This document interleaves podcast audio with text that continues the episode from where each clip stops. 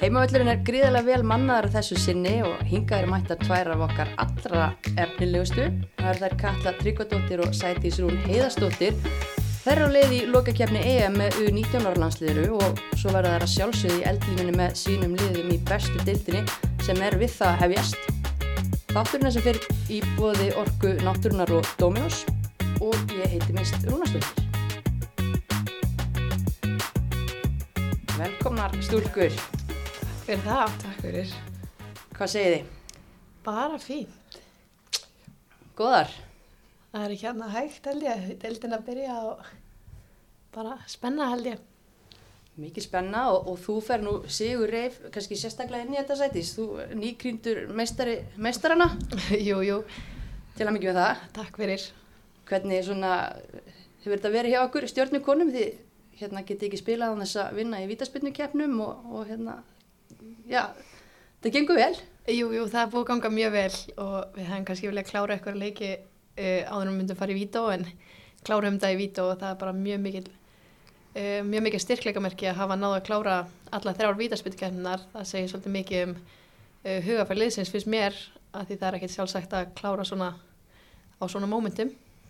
Ég veit, er þetta ekki kannski bara fína æfing líka fyrir hausinn inn í sumarið? Jú, algjörlega, bara, þú veist, taka pressunni og, já, einhvern veginn bara klára þetta. Mm algjörlega. Og þú ert hvað nýkomin að vestan, þú ert Ólasvíkingur. Jú, jú, ég kem þaðan úr sveitinni.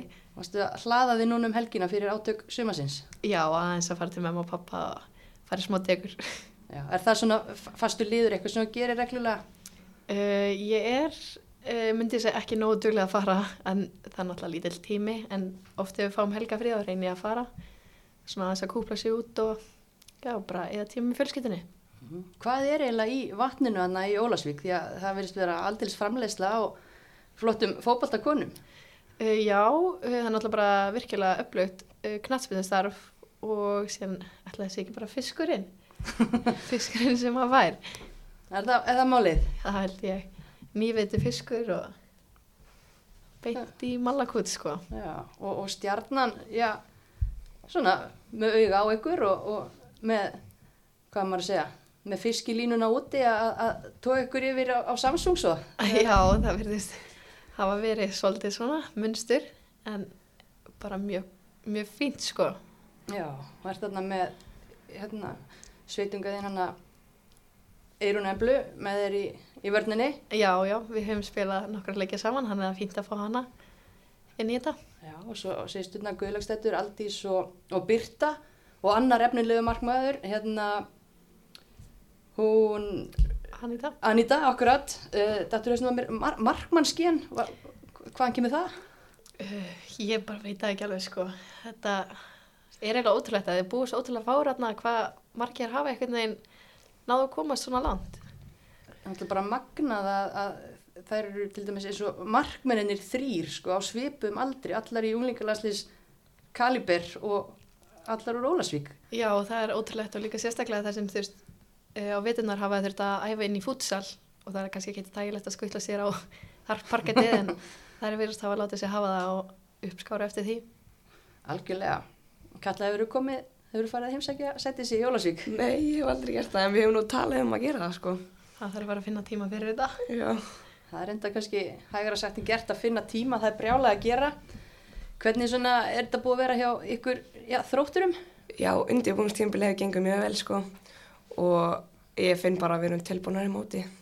Klárar í þetta. Mm En hérna, þið eru náttúrulega að koma úr rosa verkefni og voru að vinna þvílíkt afreg með U19 ára landslið þar sem þið eru báðar í mjög stórum hlutverkum, kannski bara áður en að við förum aðeins yfir það. Hvernig er að, að fara frá því þið vinnir ykkur hérna, sæti á EM og svo bara beint til Ísland og beint að fókusera á já, næsta mót?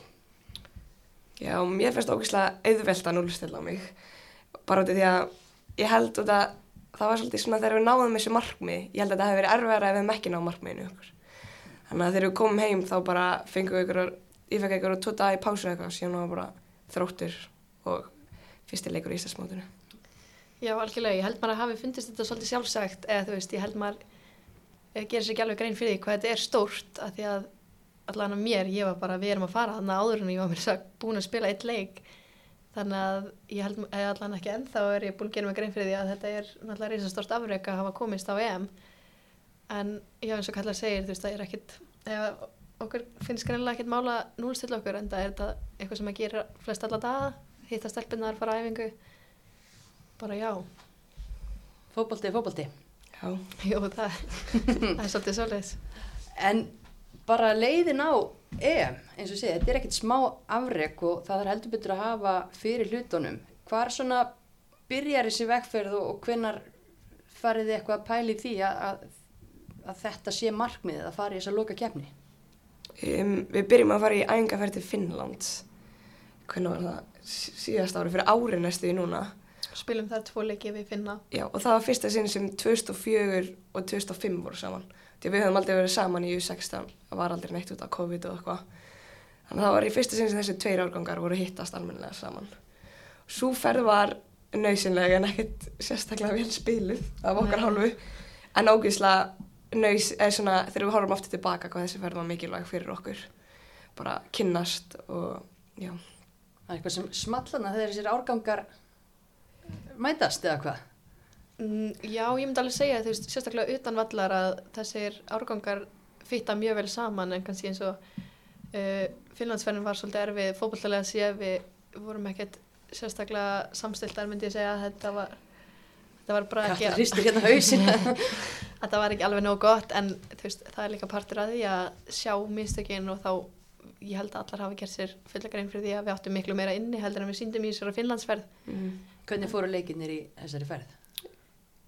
1-0 Finnland í fyrsta leiknum Já, og svo 2-1 eða 3-2. Já, s- seinni leikunum var sko tölvöld skárri en þú veist, við ég held við höfum bara kannski þú veist, það voru búið að skila til okkar svona nokkurn punktum fyrir leik tókum þeim kannski aðeins of bókstallega og vorum svolítið að býða eftir þeim þannig við vorum ekkert kannski að spila vel þáttur að við höfum bara tapað 1-0 þá hefði það alveg geta enda tölvöld vera en það er líka kannski punktar sem uh, við höfum síðan lært alveg hellinga af og sjá hvað við viljum ekki og hvernig við ætlum að leysa þegar við lendum í svona uh, momentum eins og við lendum í á móti finnum Mhm. Og strax í þessari ferð fórum við bara að tala um að við vorum að fara á EM.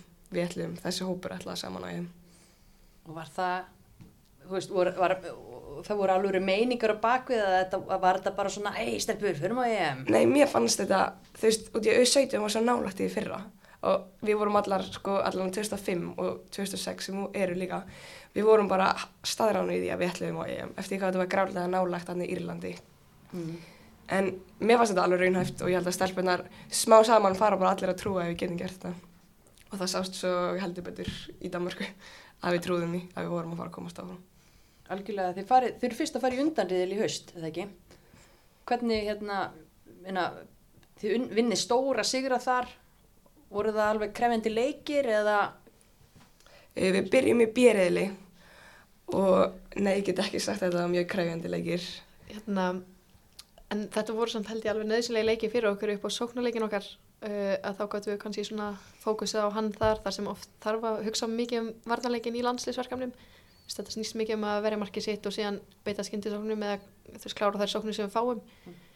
En þessi liði voru uh, arvarslög, ég held að sé alveg hægt að segja það þú veist, þegar tóku miðju þá bara stundrar boltanum strax eftir á okkur. Þannig að það er kannski eitthvað Já. sem maður er ekki vanur að sjá uh, þegar maður spila landsleiki. Uppspilsæfing fyrir ykkur? Uh, já, ég held að Magga Landslýttar hafi talað um að hún var alveg fegin að við vorum ekkert að fylgjast með þeim í uppbytun. Að þetta var alveg, þú veist allan að landsleikin sem maður er ekki kannski vanur að fá þar sem við höldum meira í boltan og Já. getum svolítið fókus á okkar svo hjóknarleik Já. En þá eftir þennan undarriðil, náttúrulega ljóstaði færið í, í milliriðil. Uh, þið fenguð að fara í, eða fenguð, fóruð í æfingarferð svo til Portugal, eða ekki? Jú, janúar, februar. Það var einhvern tímann hana, februar held ég. ég held að Mjög, mjög mikilvæg ferð þar okkur. Um, já, spilum hana þrjá leiki á móti Pó- Pólandi, Portugal og Wales. Unnum þá alla og já, hópurinn eftir það, ég var allan mjög sátt með þessa ferð. Bara hvernig við komum út úr henni sem lið. Já, og uh, langar líka að rósa möggu og hún hefur verið mjög duglega að fókusa á liðseldina og ég held að það sé akkurat máli sem hefur komið okkur svona langt er að þú veist, það eru allar svo ótrúlega samstíða hvort sem það er innan eða utan vallar, það er allar bara pappa okkur aðra, sama í hvað hlutverki maður er, að þá er allar já mikilvægir og já, sérstaklega í Portugalsferðinni held að þá hafi þetta allt svona smollið saman hjá okkur og við höfum kannski gert okkur meira grein fyrir því hvað við erum ótrúlega sterkar. Þú veist, við tekum hann að Portugal lendum 1-0 undir í hálfleik eða þú veist, vorum 1-0 undir, nei. Það var 1-1 í hálfleik. 1-1 í hálfleik en við hefðum nú alveg geta verið þó nokkru mörgum. undir. mörgum undir. En síðan komum við tilbaka bara síðustu 5 mínúndum í leiknum eða eitthvað. Já. Skorum tvö mörg. Já. og það er líka svona svolítið, svolítið sóttu við sigurinn, þú veist, við vorum búin að veist, komast í 2-2 og þá hefði verið svolítið auðvelt að þú veist, bara pakka í vörn og halda þessu en Við það var- boltan, settum hann á miðjuna og ætlum að skora hann á mark. já, þannig að fannst það svolítið sína þú veist, karakterin í liðinu að þú veist, við vorum ekki að fara að sætta okkur við eitthvað jafntöfli þátt fyrir að þetta var á móti Portugal að við fyrum í alla leiki til að sækja þrjú stig og Mhm. ég held að það og það verkefni þá vantilega sett upp bara af þjálfurum og, og, og því að nálgast að þannig bara þetta er undirbúningur fyrir þennan milliriðil sem við ætlum að vinna. Já, algjörlega. Er- Mér varst auðvöldar að koma til Danmörkur þegar við vorum búin. Það var eins og við vorum búin að gera þetta einu sinni. En Pröfukisla í Portugal. já, smá genalpröfa pröfa fannst mér. Þannig að, Já, en hvernig var svo að koma loksins til Danmerkur? Uh, þið er búin að segja mér að þið höfðu trú og, og markmiðið var klárt áður en að þið lendið á, á danskri hérna, mold. uh, þetta er ekki grín leiki sem þið er að spila þarna.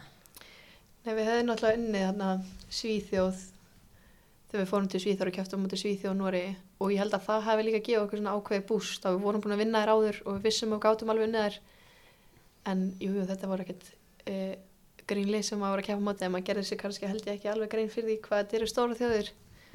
Mm -hmm. og við hugsaðum bara um einn leiki einu og fyrir minni alla leiki til að vinna á og ég held að það hafi svolítið eh, hjálpað okkur að fókusa bara á einn leiki einu og vorum ekkert að taka of stór skref í einu heldur bara hugsa um 90 mínútur og síðan fara við þær, gera þær upp og síðan gott við byrja að fókusa á næsta.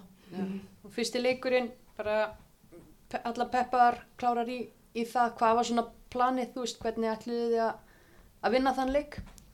við byrjum bara að pressa það stíft. Danmörkur, stelpunar. Heima- alveg. bara Já, við uppskárum alveg. Mér fannst við einna, þær voru ekkert, auðvitað komu kaplar sem þær voru að ná í yfirspila okkur og svona. En þær máttu líka alveg vera með boltan ef að við vorum alla fyrir aftan boltan, skilur. Þannig að, Ég held líka að þær hafi ekkert endilega verið að búast við því að við myndum keira á þær svona fyrstu tíu Mm -hmm. maður sá alveg að þær voru svolítið shaky hann fyrst en auðvitað komist þær svolítið inn í leikinn en enga síður þá stóðu við vörnina á okkur og það er það sem skiptir máli að þegar þú lendir í erfum köflum og náður að standa af þér og við gerum það svo sannarlega svo mikil orka í liðinu, maður fann bara, þú veist, bæði frá bekknum og þjálfurunum og bara stelpunum og vellinum. Við vorum alltaf saman í þessu. Bara, bara fann það. Já, og það var kannski svolítið við sem við vorum að fylgjast með heima, heima úr, úr sófa. Við höfum kannski pínulitla áhyggjur pínulitlar áhyggjur af því hvað fór ótrúlega mikil orka í þennan leik. Því náttúrulega bara skildu allt eftir á vellinum og svo hugsaði maður, ó, ó, það eru svíjar næst. Já. og eitthvað svona orðrómur um að það varu jafnvel meira fysikal heldur en danska liðið og, og svo leiðis það var nóg eftir á táknum þegar þið farið inn í þann leik. Ég held að þegar maður spilir landsleika þá er maður alltaf uh, fullan tank. Eða allan að mér finnst það ég held, maður uh, gleymir sér svolítið bara og það er ekkit tími að vera að hugsa eitthvað hvort maður sé þreyttur eða stífur eða hvað sem það er það, þú þarf bara að vera rætti þegar leikurinn er. Og ég held að allar hafi bara verið svolítið á sömu síðu og allar að hugsa vel um sig og Mhm. sem náttúrulega skilja sér á endanum. Það var ólíkt að spila þann leik heldur en þann fyrsta. Um, Daninir voru miklu betri að halda boltanum fannst mér, gerði það betur heldur en svíðanir en þetta var samt svona svipað fannst mér, við vorum samt að ná að skapa okkur fullt að færum í svíðalegnum fyrir mér hefði við átt að vera fleiri mörgum yfir í hálfleik sko. Já, svíðandi spilir samt þarna kerfið sem Já. við reyndum síðan í senstalegnum að þú veist, kannski leikkerfi sem er ekki vanur að spila móti og kannski svolítið bras fyrsta uh, leysa það en leið og það kom þá fannst mér þetta einhvern veginn eða, mér finnst líka bara einhvern veginn ef við náum að halda markinu okkar reynu að þá er aldrei spurning hvort við sem að fara að vinna leiki ekki við erum með Mm. uh, það gott lið að við náum að refsa og já þannig að við þurfum bara að standa á okkur við þessu erfiðu kapla og þá finnst mér aldrei spurning hvort við sem að fara að vinna leiki ekki Já, mér finnst við alltaf að vera að fara að skora Þannig að ef við heldum hreinu þá held ég alltaf við sem að fara að vinna. Já, það kemur alltaf eitthvað svona hetja, ég meina Bergdís kemur og skorar í fyrstu snertinguna hann í fyrirleiknum og, og Sirvi Theodor er náttúrulega með rosalegt mark þarna í leik 2. Var hann ekkit kokki eftir, eftir að setja hann svona? Sigga? Nei. Sigga lætur svolítið lítið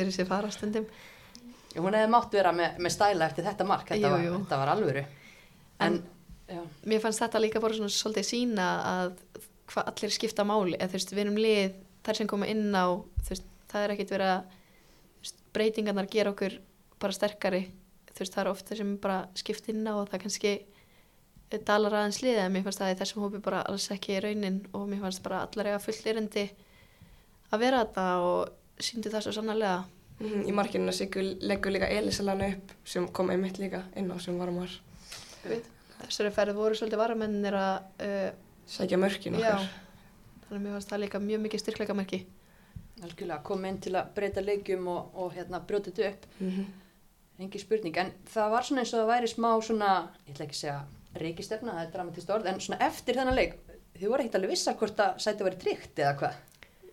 Ég held að við varum ekki búin að tryggja okkur áfram. Nei, Ég var bara Það- það, var alltaf búin að heyra eitthvað marga að tala á gulspjöld og ég veit ekki hvað og hvað var búið að fara út í hana. En það var ljúft þegar makka tilkynnt okkur að þetta væri komið. Innbyrðis viðregnin og, og stíin var það það sem að Jú, hafði áhrif, já. en enga síður þá vissum við á áttum eitt leika eftir sem var þurft að klára og um, það, það var ekki þetta, þú veist, jú, jú, maður leiði sér að vera glaður en maður vissi alveg að þetta voru þrý leikir og un undirbúningurinn þá svona hafinn myndi ég segja, senast að leiknum þannig að það var mjög mikilvægt að um, klára þann leik líka að fara ekki fram á sér. Mm. Það er til þetta góða vídeo af möggu að, blóta smá og segja ykkur að þið séu komnar á, á, hérna, á EM. Bara, er þetta að lýsa tilfinningaflæðinu sem var í gangi hérna á þessum andartökum? Nei, ég held einhvern veginn ekki. Ég man rosa lítið eftir þessu. Já, ég ég líka. segja Bara þessu. Ég man, já. Þess, þetta er náttúrulega bara risa stórt og ég held maður, eins og ég sagði án, maður gerir sér ekki alveg grein fyrir því og líka bara stórt fyrir okkur sem leikmenn og þjálfarna og alla sem koma að þessu og já, ég held að sé ekkert hægt að lýsa þessu Þetta er rosalega skrítið í allan að ég átti mig ekki á þessu inn á vellinum eða þegar leikurinn er búinn. Svo fyrir við bara að klefa og ég farin úr fötunum og, og síðan er hún bara að segja þetta við okkur. Þá er maður svona, Þið segðu leiðu ykkur að fagna aðeins. það var gaman í rútinu á leiðinu tilbaka. En síðan komum við bara, veist, svo bara um leiðu og leiðum rútinu fyrir fram á hótelið. Þá var þetta bara svolítið svona, veist, ausin upp og kassin út og nú þurfum við bara að gera svo vel að klára síðasta leikin. Síðasti leikurinn á móti Úkrænu sem maður hefði haldið svona fyrirfram að væri slagasti anstæðingurinn. Var það slagasti leikurinn ykkar eða bara voru þeir að mæta ykkur að krafti? Sko, mér fannst setni hálfleikur tölvört betur enn svo fyrir fyrir var svona smá kannski, ég veit ekki hvað maður að segja. Vistu, við höfum alveg spilað betur held ég. Ég held að sé alveg hægt að fyllir það. En enga síður, þú veist, Úkraina var með flott lið og það verður ekki tekið að þeim, þær voru bara tilbúin að ríða tók okkur smá tíma að byrja og það er náttúrulega bara ekki í bóði þegar að spila landsleik þá voru að byrja frá fyrstu mínúti þannig já, kannski bara gefa þeim þar, þær komu alveg uh, trilltara til leiks Já, þær voru búin að tapa tömur fyrstu sínum og, og hérna, já, ætlaði að fá að úr þessu. Hva- Hvernig var sá leikur bara svona í samanburði við hína? mm. Við náttúrulega prófum hann nýtt kerfi fyrir hálfleik sem mér fannst uh, bara fínt að prófa eða þú veist, við veist að þessi leik eða þú veist, við vorum búin að tryggja okkur en engan síðar ætlaði að vinna þennan leik. Um, ég held að það var bara mikilvægt fyrir okkur að sjá uh, þetta kerfi og prófa það þráttur að það kannski ekki gengi alveg jafn vel og við vonuðumst til. En ég held að sé bara fullt sem við getum lært að þeim leik þráttur að hann hafi fyrir jafntöfli og ætlaðum okkur að vinna þá fór þetta svona og uh, bara margt sem hægt er að læra af þeim leik Eitthvað sigur slen eða? Ég veit nú bara ekki alveg hvað það þýðir sko Nei, bara svona, þú veist, spennufall kannski, maður er búin að að ná markmiðinu í rauninni og, og hérna, á kannski erfitt að tengja þá einhverju mega framistöðu. Mm.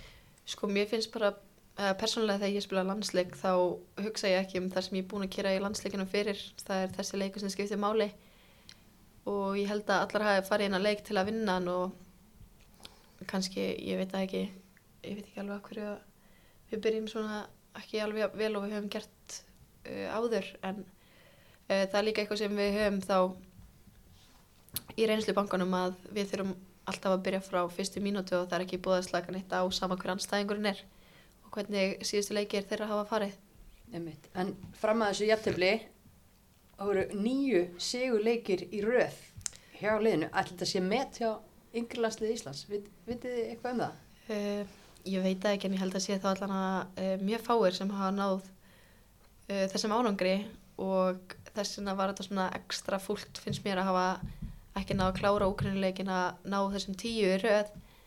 En enga sér er þá hægt að segja við sem kannski taplaustari tíu leiki þótt að þessi hljóma kannski ekki alveg vel og segja að mann hafi unni tíu leiki Nei, ég meiti, og Magga talar, já, hún talar um að þessi er búin að búa til eitthvað svona skrýmsli og ég meina það, ef maður er tablaus í tíu leiki og búin að vinna nýju af þeim, ég meina, er eitthvað betra meðal fyrir sjálfströst?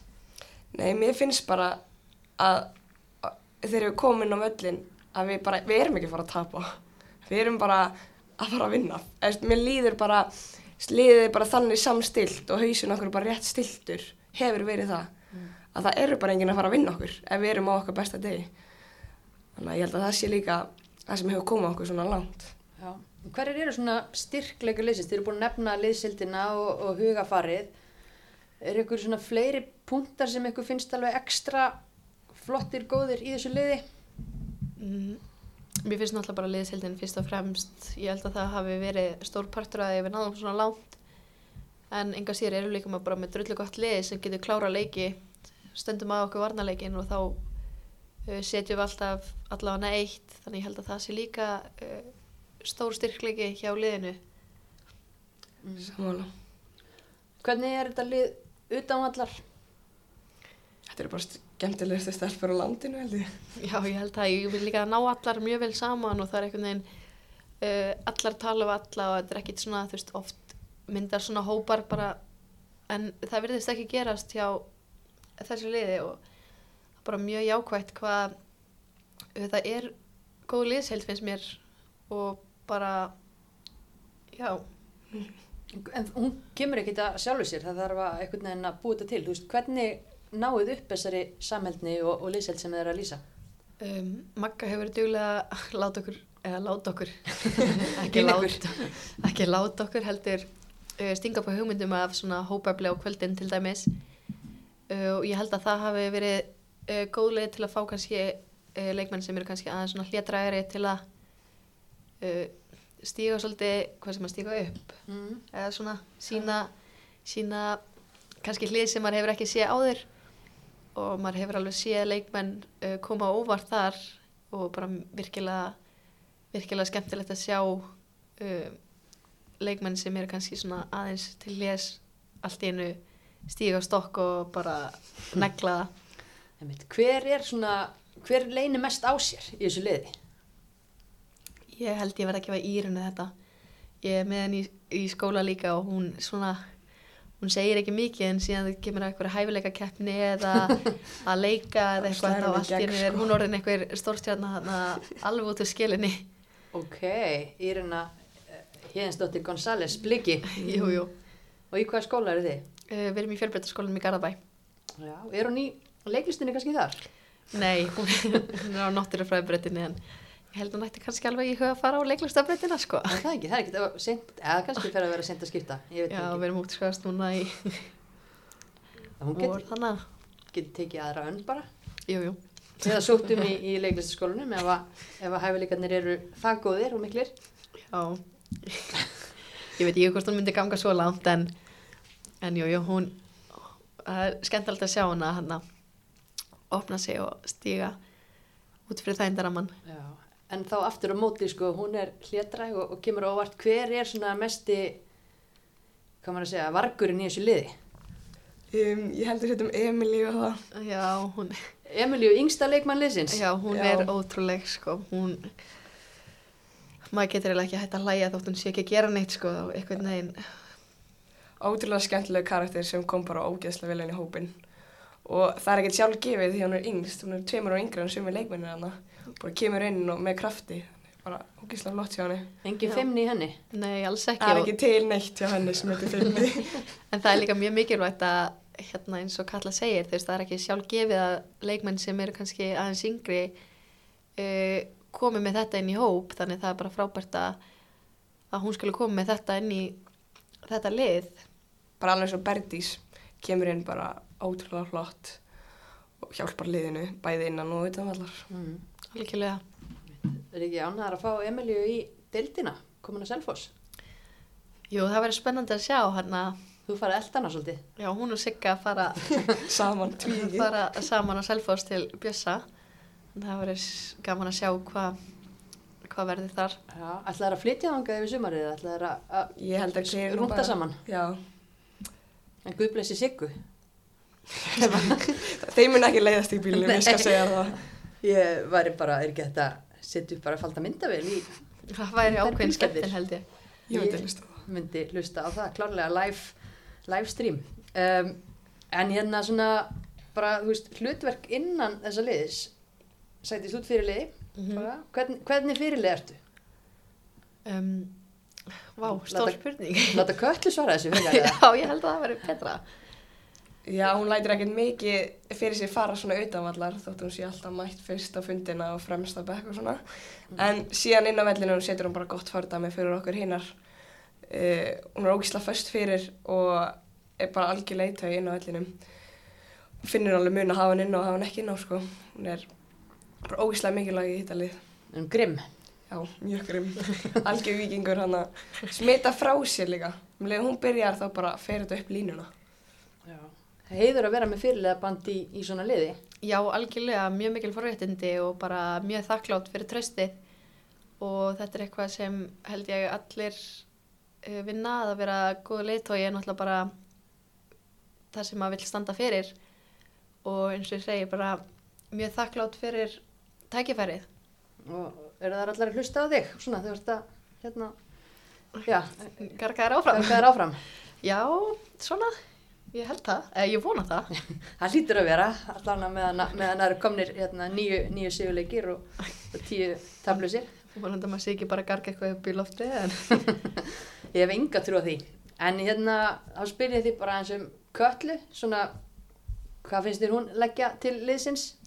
Kalla er náttúrulega bara virkilega skapandi og gerir mikið fyrir sóknarleikin okkar uh, rosalega vinnusum og það er mjög mikilvægt að hafa svolítið leikmann í sínu liði. Og bara með svakalegt hugafar sem mun að öllum leikindum koma henni mjög langt. Og ég held að það sé líka bara svona það sem enginn er köllu, hún er með svakalega gott hugafar og neytar að gefast upp og vill læra uh, skapandi eins og ég sagði á hann og það er kannski svona uh, brýtur svolítið upp leiki svona þegar það þarf þá getur kalla komið með eitthvað svakalegt Já, ringjum í köllu. En hvernig er hún utan allar? sko ég þekkti kalla ekki mikið fyrir en við vorum herbíksfélagar í Litáen og síðan þá höfum við eiginlega bara svolítið smillið saman Já, eins og tveir seglar sko. Já, þetta er Ok. eiginlega, eiginlega ótrúlegt sko, við erum bara Já. mjög góða vinkonir og uh, ótrúlegt hvað svona landsinsverkefni gefur manni mikið líka fyrir utan uh, völlin, ekki bara innanvallar og ég hef bara kynst uh, mörgum frábærum stelpum og margar eru mínar, hvað sem er, margar ein, margar af Þínum bestu vinkunum. mínum bestu vinkonum í dag. Og þetta var erfitt. Og já, kalla bara frábær og mjög góð vinkona. Mjög þakklátt fyrir að Magga hafi látið okkur saman í herbyggi því að Já, við höfum vælað að vera saman í herbyggi síðan þá. Hafið þið fengið það? Nei, það er náttúrulega bara búin hvað einn ferð síðan en, tvær. Tvær. Já. Já. en enga sér er líka mikilvægt að, og gaman að kynnast öðrum sem var með herbyggi en það var partí þegar við vorum saman í herbyggi ég held að sé alveg hægt að segja það Já, þannig að þetta er ekki eins og í allanstunum, ekki fastur herbyggisfélagi í U19. Nei, ég hef, jú, einu sinni við erum með sama, annars erum við alltaf bara að skipta. Finnst það fínt, sko, þá kynnist þið bara öllum í liðinu og það er líka í okkar hóp, þá geta allir verið saman í herbyggi, finnst mér. Finnst mér alveg saman með einhverjum ég er í herbyggi, það er bara, ég veit ekki, þetta er bara frábær hópur, eins og við erum búin að koma inn á. mm -hmm. En svona utanfrá einmitt, þá virkar þetta eins og bara samansapn svona mjög ólíkra einstaklinga einhvern veginn og bara enga veginn flatur hópur þannig ég get ímynda mér að það sé alltaf líf og fjör en líka bara svona ólíkir já, styrkleikar og ekki endilega veikleikar en bara svona alls konar orka í gangi Já, ég held við vegum svolítið hver aðra upp og ég held að það sé mjög mikilvægt fyrir lið að hafa svona ólíka uh, karakter og ólíka leikmenn sem geta samt unni vel saman Mhm. og það er það sem ég finnst við hafa náða að skapa mjög vel og þjálfara til með, með okkur. Já. Ef að, hérna, Írina leynir mest á sér og Emilia er vargurinn, hver er brandarakellingin? E- Fanny kemur stundum með eitthvað svona og Bergdís líka. Bergdís kemur oft er- með eitthvað svona skot, svona styrla fyndið. En sér finnst mér bara, þú veist, allar koma alltaf með, þú veist, allar koma með einhvað, einhvern veginn. Það er ekki eitt trúður sem að setja tíkalli í klefanum og, og allar hlæja. Svona, e- ekkert sem ég dettur í hug bara svona strax. En hver sér um tónlistina í klefanum? Jakobina, Já, ká DJ. frábær DJ. Góð DJ. Og hvernig tónlist spyrir hann? Það lítur að vera svínu virka. Já, Já. Um, hvað, við settum saman playlista, liðið það ekki, í liðtáin. Um, Power hefur komið stert inn hana. já, við eigum okkar lag, sko. Síðasta lagið sem við hlustum á ánum fyrir mútu völl. Já. Ég, ég fæ allavega svona, hlusta á það þegar við erum ekki úti, ég fæ bara svona gæsáð þegar það kemur í útvarpið eða eitthvað. En já, okkar lag var Power og hefur verið það í síðustu þrejum ferðum eða eitthvað. Er þetta lag ekki að fara að vinna Eurovision? Ó, ekki það lag. Ekki það lag. Annað power. Annað power. það er eina, ég man ekki hver söngur það. Nei, heldur. En það er annað Power lag. Annað power lag. En jú, hitt Power er klálega að fara að vinna Eurovision. Já, ég held bara að við værum hérna á Eurovision-vagninum. Ég, Það kemur inn á milli.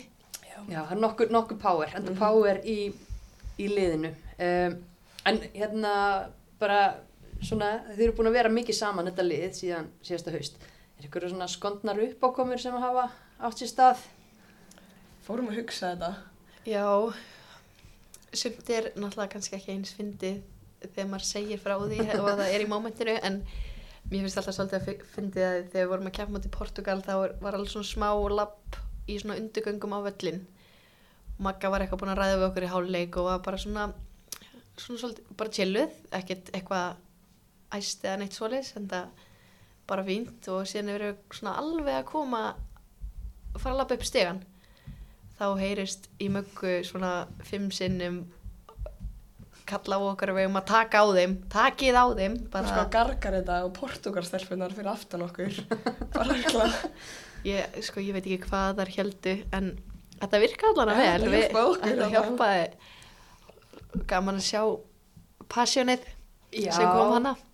En hva, hvernig þjálfur er Magga? Bara ef við förum yfir í, í það, sko, gólandi hérna á ykkur í gegnum portugalska liðið, hérna, er hún bara, er þetta mesta keppnismanneskja Íslands eða? það leikur við, hún er allan að hana á topnum einhvers þar, Hún vil vinna og hún kann að vinna. algjörlega og, Og hún, ég held að hún sé búin að smita þetta hugafar inn í okkur allar.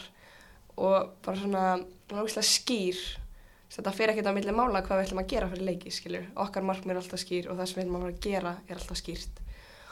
Og hún gargar inn á vellin mjög mikið og maður heyrir alveg í henni. En mér finnst það mjög gott að bara hvetju mig áfram og ég held ég sé að tala fyrir flestar liðinu. já, Já.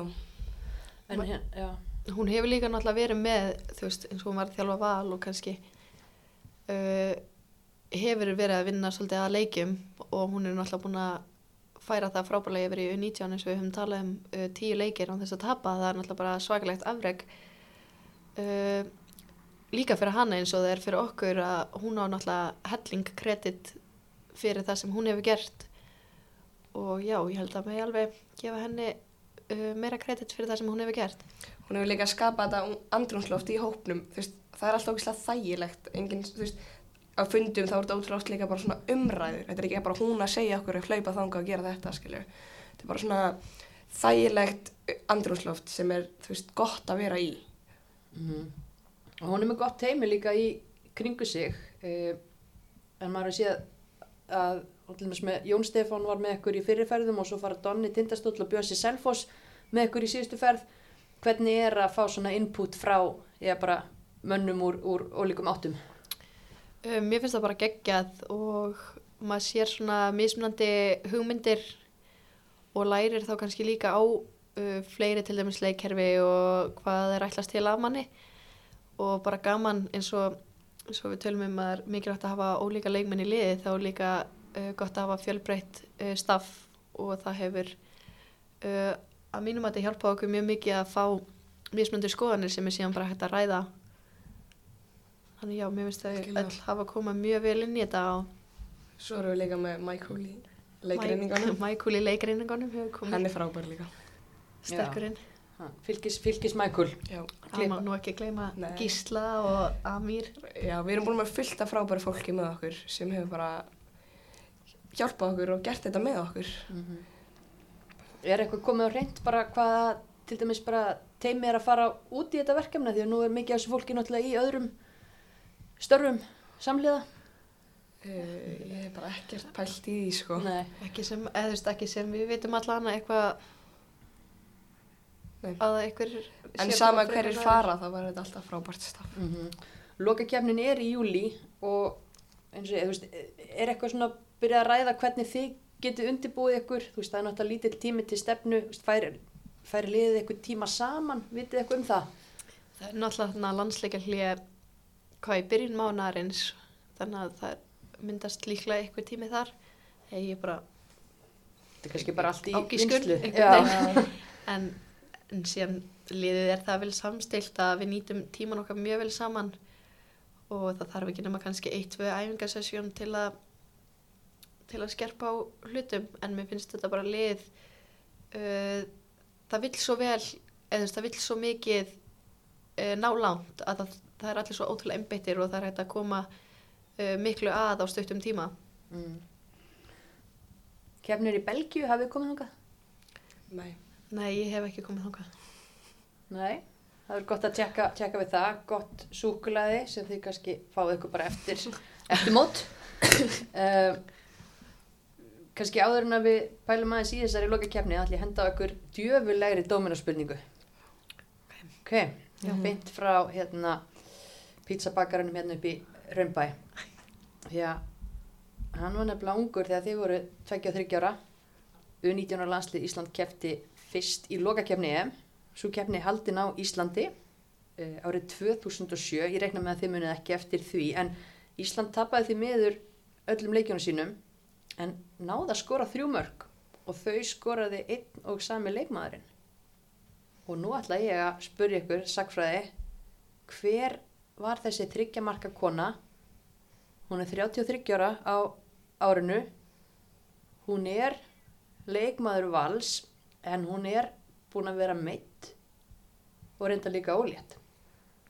Fandís Ding, ding, ding, vel gert. Fandís Friðriksdóttir, já. Hún skoraði þrjú mörk þarna og hann er bara styrlu staðrind að það voru spilað tveir riðlar og það voru tvær aðrar sem að voru líka með þrjú mörk í hinur riðlunum. Önnur er frá Fraklandi og heitir Marie Laure Delis. Hinn er frá Englandi og heitir Ellen White.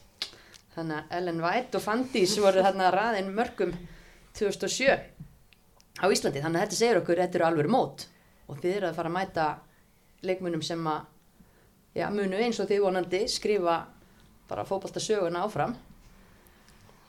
Já, það er ekki spurning að þetta sé uh, risastórt mót. Og gaman sjá bara hvað leikmenn hafa verið að spila þessu móti. Þannig að við erum bara mjög spenntar að sjá hverju við erum að fara að mæta.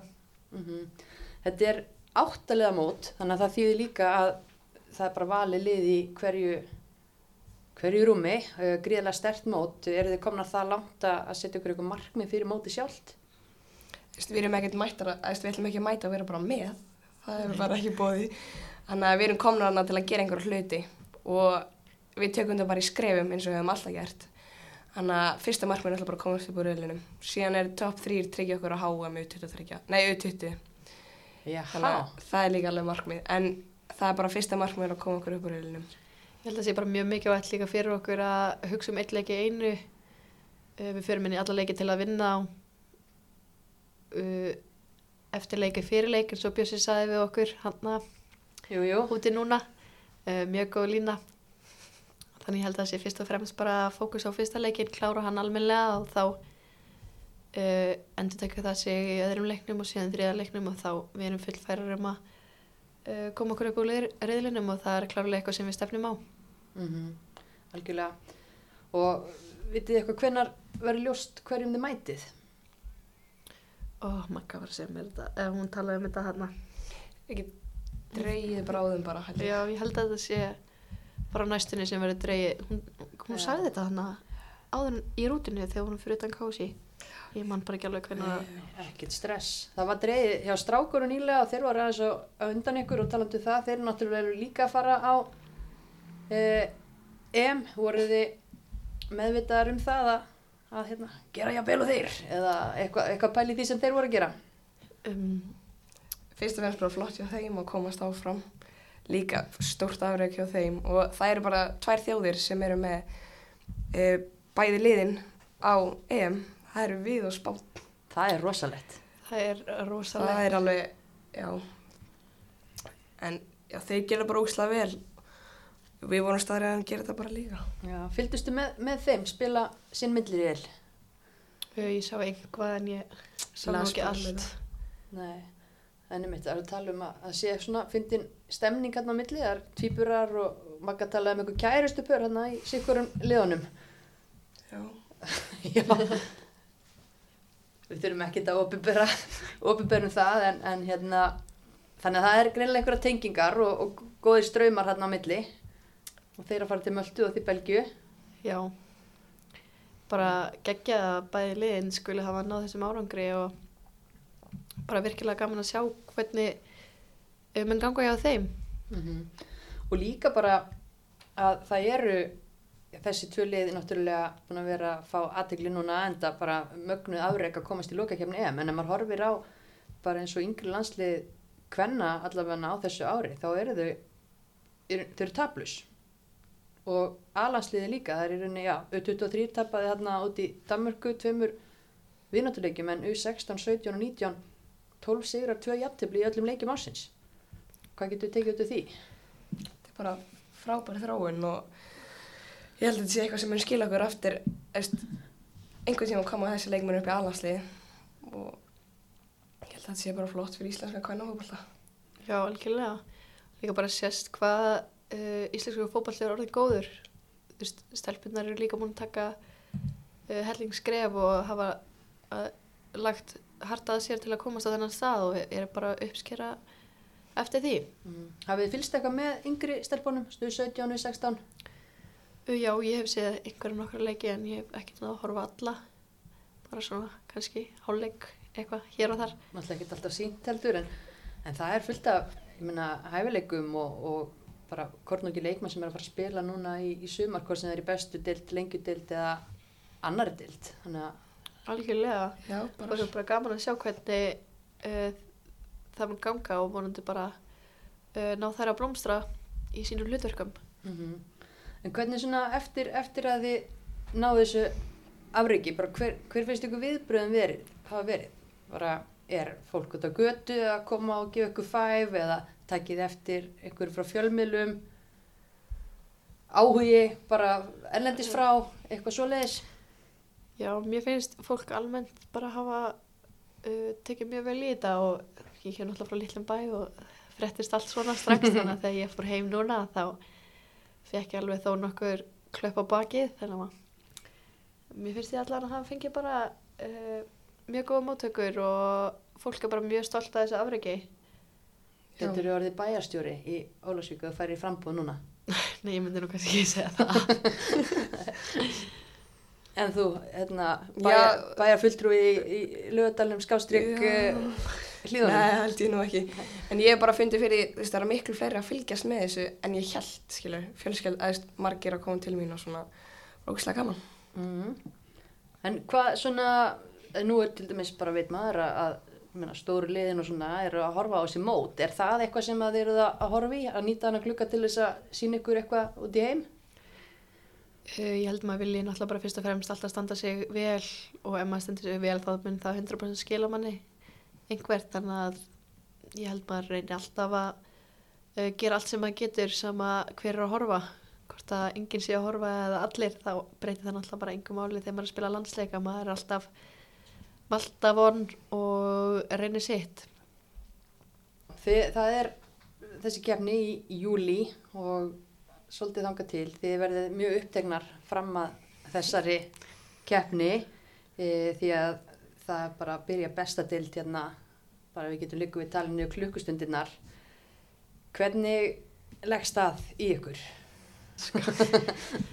um, bara mjög vel en það er maður búin að býja eftir þessu lengi og ég held að deildin verður bara mjög jöfn og mikið af uh, erfiðum leikjum þannig að ég held að það sé ekki annað hægt en að vera bara uh, gýraður í þetta Já, ég er búin að tella henni dagana núna, ég veit ekki hvað lengi og ég er bara ógíslega spennt fyrir þessu móti. Ég held að þetta veri, já, jöfn deild og já, ég held að þetta veri bara margir ógíslega skemmtilega leikir. Já, svona, eh, ég ætla að veina fólk sem er eitthvað að reyna að spá og spekulera, það er voða mikið talað um að, að þetta getur verið bara fjögur, jafnvel fimm lið sem að er að fara í titilbarátana, hvernig sjáu þið það fyrir ykkur? uh, mér finnst það bara jö- mjög jákvægt að það sé svona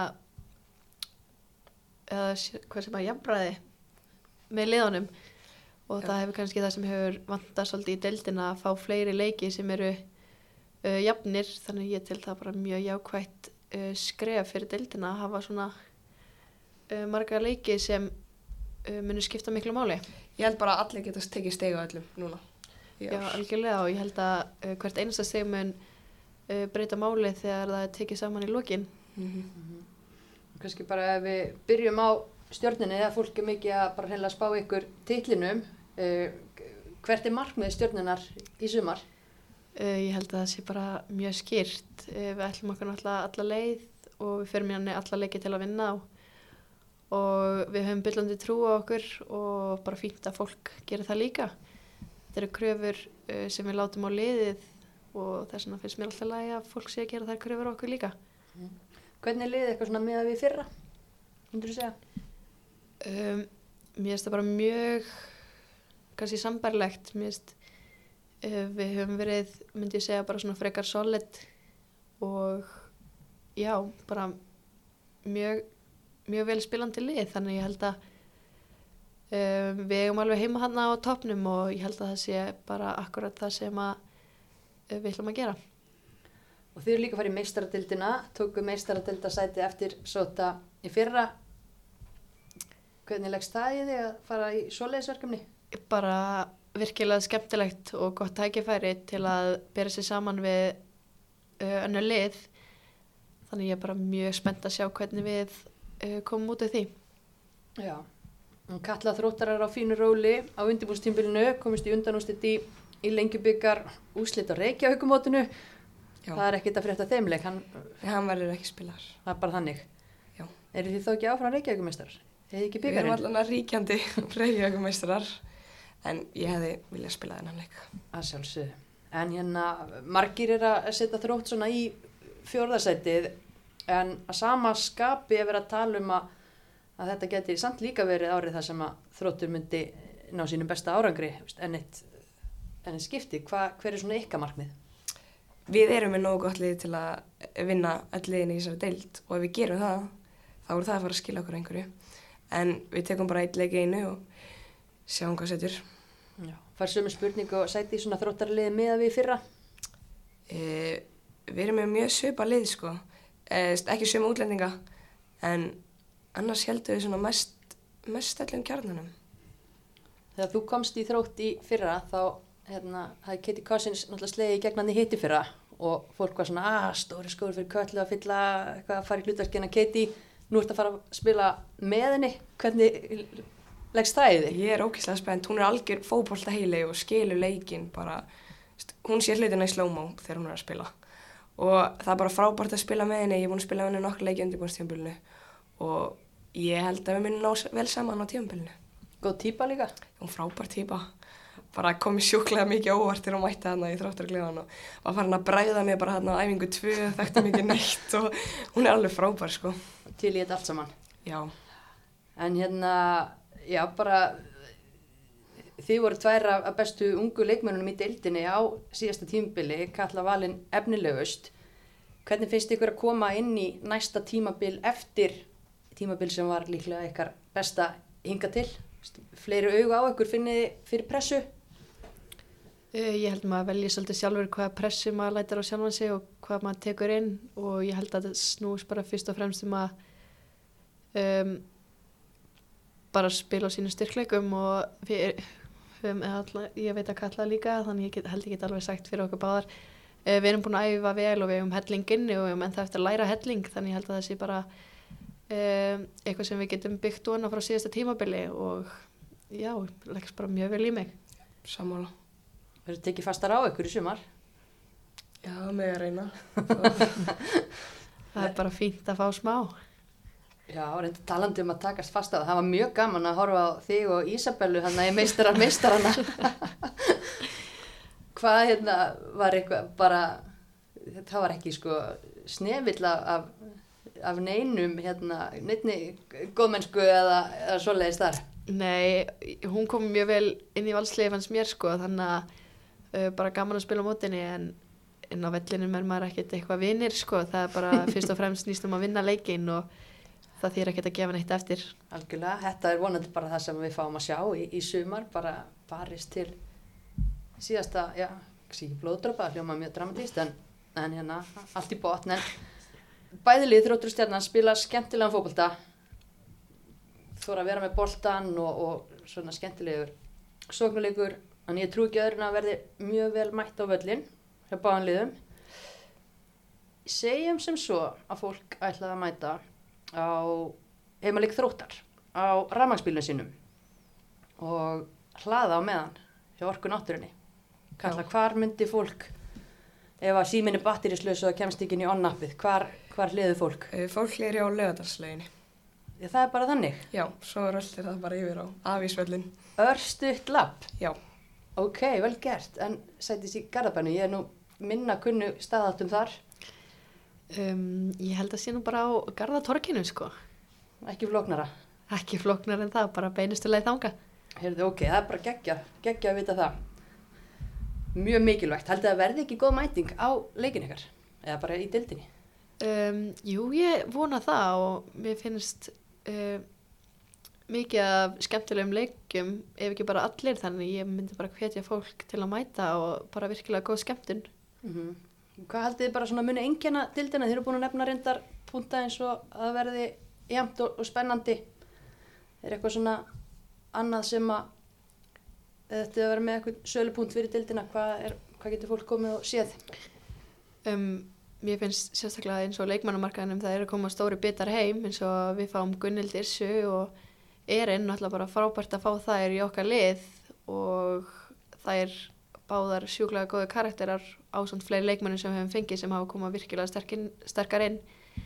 Þannig ég held að fólk um, sé að fá mikið fyrir peningin þegar kemur á leiki þannig að uh, margir góða leikmenn sem gaman er að fylgjast með þannig að ég held að það sé um, deildin er að vera sterkar og sterkari og því kannski enn fremur uh, ástæða fyrir fólk að mæta völlin Já, og þó nokkrar úr, úr þessu spennandi U19 liði sem að þið eru partur af sem er að fara spila í þessari deild og, og lengdeildinni í sumar. Er það ekki líka vel þess virði að gera sér ferð og, og, og fylgjast með ungu kynsluðinni? Jú, algjörlega, þetta er náttúrulega bara leikmenn sem uh, er að taka reysa skref og bara gaman að sjá hvernig um, fólk, eða leikmenn munu uh, takast á við verkefnin dildarinnar og ég hef, það er engin vafi að ég held að allir leikmenn munu blómstra í sínu hlutverki þannig að bara virkilega, virkilega skemmtilegt að fylgjast með dildin í sumar held ég. Algjörlega. Því miður reyndar algjör skandall að verður ekki fantasy-deild hvernig megin. Bú á það. En ég er samt með spurningu fyrir ykkur. Ef að það yrði fantasy-deild með tilhörandi stegagjöf, hvaða leikmenn, þrýr leikmenn, eru fyrstir á blað hjá ykkur? Um, þá ekki samverjar. nei, uh, ég myndi velja Örnu Sif í val. Hún er góðu liði og hún er alltaf að fara að skora eitthvað úr hotni. Svo myndi ég hafa að hún er líka í góðu liði í vördinni og hún mun leggja upp fullt af mörgum í sumar. Kannski skorur hodni líka. Mögulega skora Henni finnst ekki leiðilegt. útloka neitt. vonum það, vonum nokkur. og síðan myndi ég hafa Söndru Marju úr Þórkáa. Svo er búin að vera í stuði. Já, Alveg vann fyrir mann. Algjörlega. En þú, Sætís? Sko ég var komin uh, búin að hugsa sama kalla nema náttúrulega henda köllin í þetta lið en þar sem ég langar að vera með smá kannski tvist aðeins öðru sem kalla er svolítið leðilegt ef ég segja það sama Já. uh, þá myndi ég henda uh, örnu oftast hjá mér eins og kalla segir hún mun eflega skora nokkuð mörg og bara í góðu liði uh, köllu á miðuna surprise og síðan myndi ég henda uh, Ollu fram Þróttarannum fram. Já, ég held að Olla og Kalla getu undir nokkuð stig fyrir mig hana. Já, ég fatt þessi dildinni um mitt. Uh, já, þetta eru, þetta eru góðir, góðir listar hjá okkur. Hvor ykkar myndi fá fleiri stig í dildinni í sumar? Þú eru skráð sem varnamæður, halda hreinu, mínútu spilaðar og náttúrulega ert með gull fót, þannig að, já, Já, og kalla mínútu spilaðar, ég veit ekki hvað fá miðjumenn fyrir að halda hreinu, er það? ég, ég er er ekki alveg viss sama um ég, eh, kannski djúpum í þumar. úf, En þú ég, myndir sækja þetta á stóðsendingum. Myndi, myndi þið hérna, þú er að taka svona veðmál, bara, hvor myndi fá fleiri, fleiri stig? Þurfu ekki að hendi þetta út í bíl að ræða þetta eitthvað að gera veðmál. Þið þurfum eitthvað að ræða þetta. Ég skal taka saman, hérna, ég skal telja mörkin ykkar og stóðsendingunar eftir tímabili ef að þið munið ennþá eftir þessu í, í hvað, oktober, þegar þetta klárast. Já, Já, við heyrim í þér eftir tímabil og sjáum hvor, hvor vann. Já, einmitt, áhugavert. Það er alltaf að búa sér til einhverja skrítna leiki, en hérna, svona lókum, bara, ég er með tvær frábæra fótboltakonur fyrir fram að mig, uh, með framtíðana fyrir sér. Hvað er eh, planið? Hvert stefnið? þið? Hvert, hver er markmiðin? Þegar stórt er spurt. Þetta er stór spurning en uh, ég held að maður stefnir bara alla leið og ég held að sé, maður er ekkert í þessu bara til að fljóta með og um, draumin og bara planið er náttúrulega alansleið, ég held að það sé eitthvað sem allir stefna að og sem maður vinnur að síðan, ég held get, ég get alveg tala fyrir okkur báðar að okkur langar að vera alveg og spila fyrir toppklúb í Evrópi. já, algjörlega og maður sér uh, marga fyrirmyndir sem hafa gert það og ég held að uh, það sé bara vel hægt og allt undir manni sjálfum komið hvert maður nær þannig að bara leggja inn vinnina og þá uppskil maður eins og maður sáir Bam. Það er endar mjög vel mælt og eiginlega bara mic drop þannig að ég held að við bara förum að kalla þetta gott nema að þið vilja hendin einhverju slúðu sögu af, af einhverjum hérna, lísfélagi okkar svona í lokin. Ég held ég geymi það til betri tíma. Jú, geima það hans lengur En er ég get ekki beðið eftir að fylgjast með ykkur í sumar og bæði með félagsliðum og svo auðvitað í Belgíu. Þannig bara gangi ykkur ótrúlega vel og kæra þakkir fyrir að koma á heimavöldin og fara yfir málið með okkur. Takk fyrir okkur Já, takk fyrir að fá okkur bara